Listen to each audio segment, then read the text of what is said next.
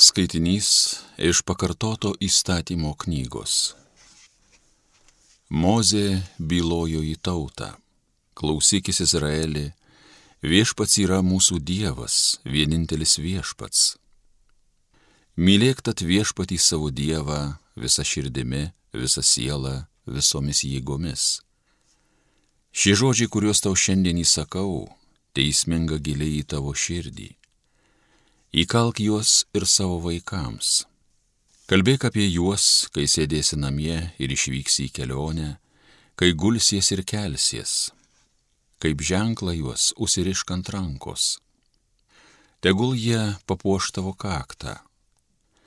Juos užrašyk ant savo namų durų staktų, ant savojo miesto vartų, Kai viešpats tavo Dievas nuves tave į kraštą, kurį jis tavo tėvams, Abraomui, Izaokui ir Jokūbui, prisiekė tau atiduoti, į kraštą, kur dideli gražūs miestai, kurių nesistatęs, kur namai prikrauti visokiausių gerybių, kurių nesikrovęs, kur uoloje iškaltos cisternos, kurių nesikalęs, kur vynogynai yra lyvmedžiai, kurių nesisodinės, Kai ten tu sočiai pavalgysi, žiūrėk neužmiršti viešpaties, kuris tave išvedė iš Egipto šalies, iš vergyjos namų.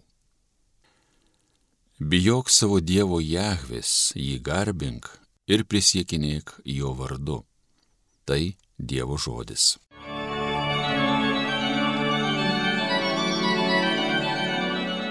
Mylėsiu tave viešpatie mano stiprybę Mylėsiu tave viešpatie mano stiprybę, viešpatie priebėga mano tvirtovę, vaduotojau mano. Mylėsiu tave viešpatie mano stiprybę. Dieve prieglopsti mano, tavim aš viliuosi, tu mano skydas, išganimo ramstis, mano globėjas. Šlovingojo viešpaties šauksiuos ir išvaduotas būsiu iš priešų. Mylėsiu tave viešpatie mano stiprybę. Laiviešpats gyvuoja, garbė mano ramščiui, šlovinkim Dievą, vaduotoją mano. Duodi savo pastatytam valdovui didingai laimėti, tu maloningas savam pateptiniui. Mylėsiu tave viešpatie mano stiprybę. Alleluja.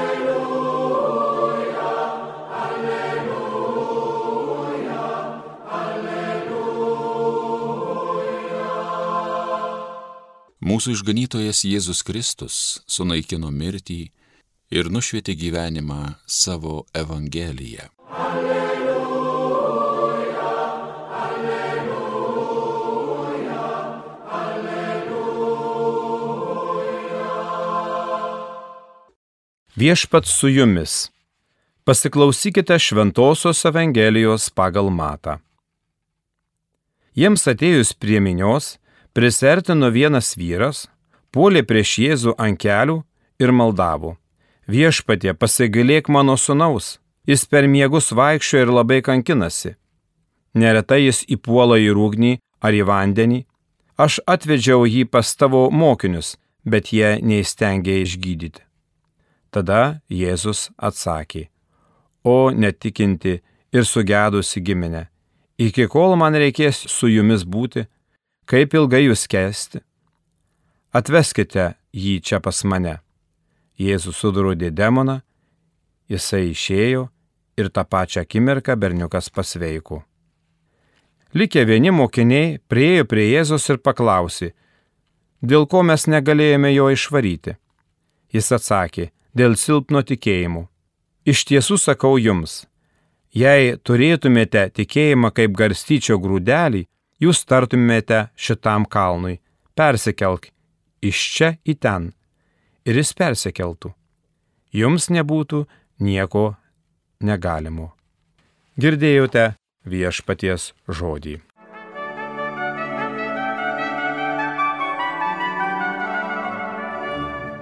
Mėly Marijos radio klausytojai, brangus tikintieji, šios dienos Evangelijos pagal matą ištrauka kviečia mus klausti savęs, koks mano tikėjimas.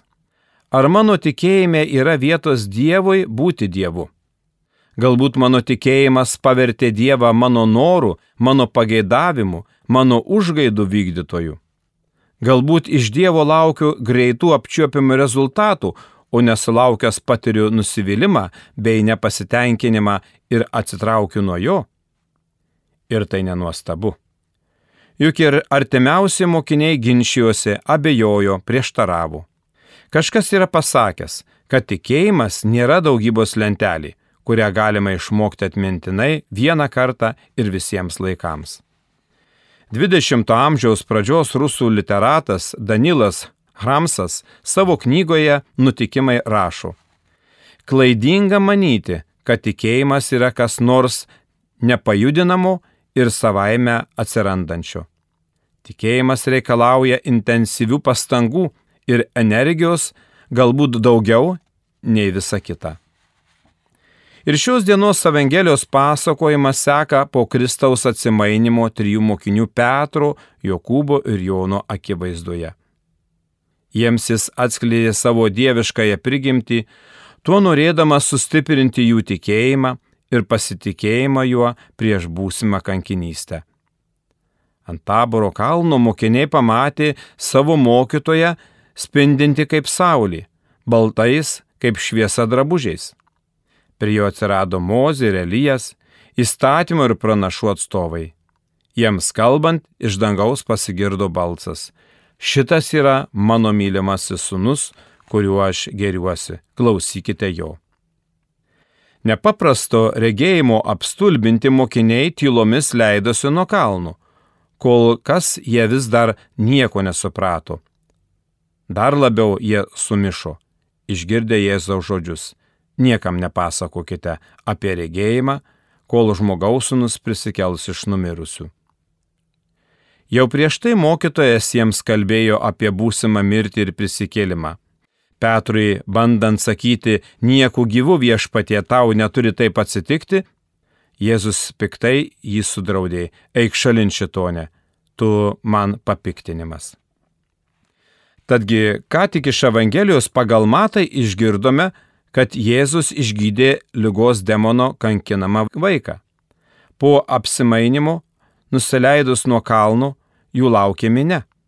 Tai jau tapo įprastu vaizdu, kur Jėzus ten minė, kur trokšta išgirsti jo žodį, kuris gali išgydyti ne tik fizinės, bet ir dvasinės negalės.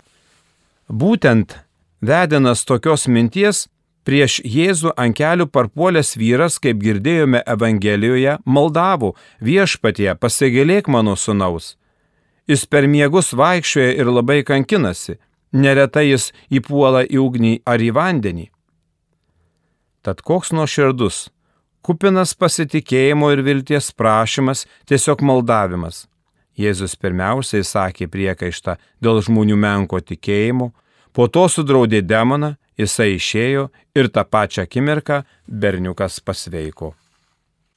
Mėly Marijos radio klausytojai, Man kaip kunigui dažnai tenka susidurti su situacija, kai esu kviečiamas pas ligonį, kuriam gydytojai nieko gero nežada. Pakviestas kunigas taip pat nieko negali padaryti, nes žmogus guli be sąmonės. Tuomet keistai nuskamba pasiteisinimas iš namiškių, jog nenorėjome ligonio gazdinti, todėl kunigo nekvietėm. Manim suspėsim, kai neteks sąmonės. Taigi Dievas visada pasiruošęs ateiti, kad gydytų, guostų ir laisvintų mus. Tačiau, kaip liūdna, kai žmogaus gyvenime būtent tokiam Dievui ir nelieka vietos. Manau, dažnas šiandieninis žmogus nekarta išgirstų Jėzus priekaištą, o netikinti ir sugedusi giminę, iki kol man reikės su jumis būti. Kaip ilgai jūs kesti? Antroje Evangelijos dalyje mokiniai Jėzaus klausė, kodėl jiems nepavyko išgydyti berniuko. Mus galbūt šis klausimas stebina, juk jie tik paprasti žmonės. Tačiau tai įmanoma būtų, nes Jėzus prieš siūsdamas mokinius į misiją suteikė jiems galę gydyti žmonės ir išvarinėti demonus. Tai manoma būtų kiekvienam tikinčiajam keliaujančiam su Dievu vardu lūpose ir širdyse. Tai reikia ne pasitikėjimo savo jėgomis, aš viską galiu padaryti, bet maldos ir pasitikėjimo Dievo gale. Štai kodėl į mokinių klausimą, dėl ko mes negalėjome jo išvaryti, Jėzus atsako - dėl silpno tikėjimo. Mokiniai pasitikėjo savo jėgomis, jie bandė pagydyti berniuką, bet nuvylė tėvą ir patys buvo nusivylę. Jų silpnas tikėjimas ir pasitikėjimas Jėzumi dar turėjo aukti. Dar nekarta jiems teks nusivilti ir kreiptis į Jėzų pagalbos. Mėlyjeji, kiek kartų esame nusivylę ir nuvylę kitus, bandydami savo jėgomis spręsti daugelį iškilusių problemų. Atrodo, tiek darbo, tiek pastangų įdėjome, tiek daug gražių žodžių prakalbėjome, o rezultatas nulinis. Ypač tai liečia tikėjimo ir moralės klausimus, kai siekiame savo jėgomis artimą ištraukti iš priklausomybių pančių, siekime jam parodyti išsigelbėjimo kelią, kelią pas Dievą. Jėzus nekartą aiškino mokiniams apie tikėjimo svarbą ir šiandien girdėjome, jei turėtume tikėjimą kaip garsyčio grūdelį, jūs tartumėte šitam kalnui, persikelk iš čia į tenai. Ir jis persikeltų. Jums nebūtų nieko negalimo. O Jėzus, siekdamas išaukštinti tikėjimo galę ir paveikumą, meiliai vartoja išraiškingus simbolius. Evangelijoje pagal Luką skaitome apie šilkmedį, kuris įsirautų ir persodintų jūroje, jei tik jam būtų įsakyta su tikėjimu kad ir labai menku. Tad tik tikėjimas daro mus prieš Dievą teisėjais ir jam patinkančiais. Galim gerai išmanyti šventąjį raštą, puikiai jį aiškinti kitiems, būti tobulais teologais, tačiau nebūsime teisūs prieš Dievą, jei nebūsime giliame ryšyje su juo, jei negyvensime kartu su juo savo gyvenimą. Kai Jėzus ateina į žmogaus gyvenimą, Jis atneša dangišką palaimą. Tikėjimą ir pasitikėjimą, meilę ir gailestingumą, viltį ir gyvenimo džiaugsmą, tiesą ir teisingumą. Tiesiog viską, ko mums reikia prasmingam ir laimingam gyvenimui. Todėl visiems mėlyjei linkiu, kad niekada nepaliautume kaip pirmieji mokiniai prašyti Jėzaus. Tikiu viešpatie, padėk mano tikėjimui. Amen.